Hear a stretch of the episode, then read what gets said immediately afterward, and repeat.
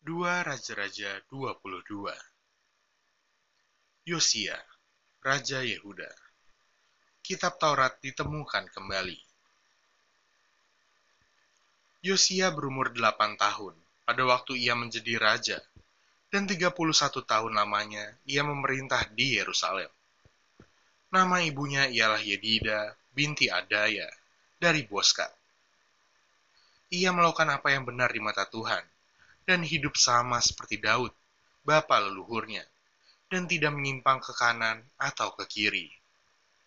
Dalam tahun yang ke-18 zaman Raja Yosia, maka Raja menyuruh Safan bin Azalia bin Mesulam, panitera itu, ke rumah Tuhan.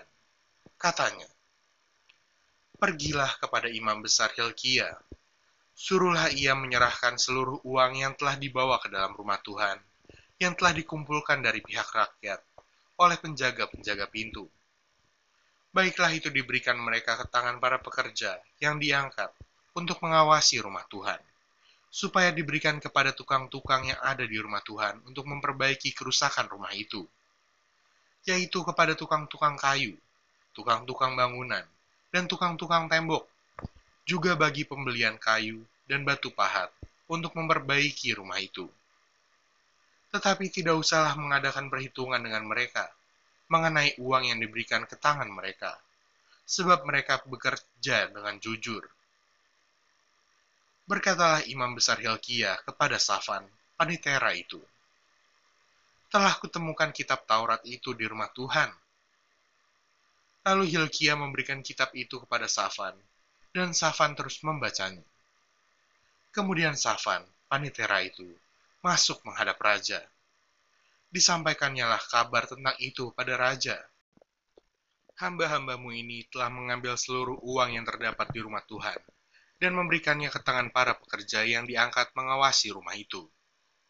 Safan, panitera itu, memberitahukan juga kepada raja, Imam Hilkiah telah memberikan kitab kepadaku. Lalu Safan membacakannya di depan raja. Segera sesudah raja mendengar perkataan kitab Taurat itu, dikoyakannya pakaiannya.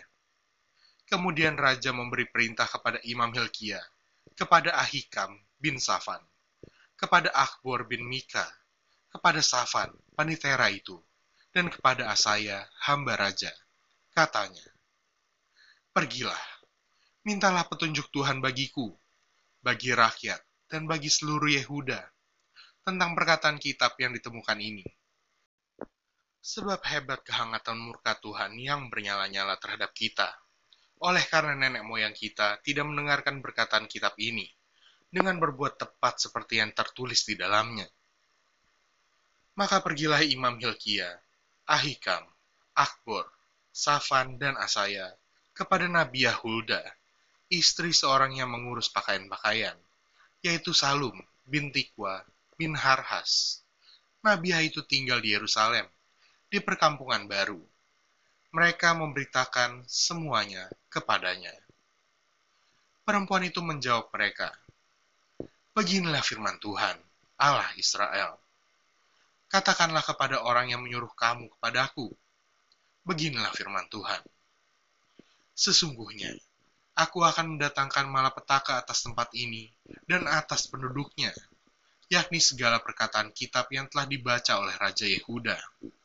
Karena mereka meninggalkan aku dan membakar korban kepada Allah lain dengan maksud menimbulkan sakit hatiku dengan segala pekerjaan tangan mereka. Sebab itu, kehangatan murkaku akan bernyala-nyala terhadap tempat ini dengan tidak padam-padam.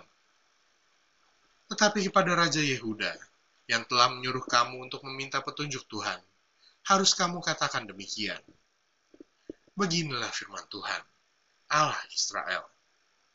Mengenai perkataan yang telah kau dengar itu, oleh karena engkau sudah menyesal dan engkau merendahkan diri di hadapan Tuhan pada waktu engkau mendengar hukuman yang kufirmankan terhadap tempat ini dan terhadap penduduknya, bahwa mereka akan mendahsyatkan dan menjadi kutuk, dan oleh karena engkau mengoyahkan pakaianmu dan menangis di hadapanku, aku pun telah mendengarnya Demikianlah firman Tuhan.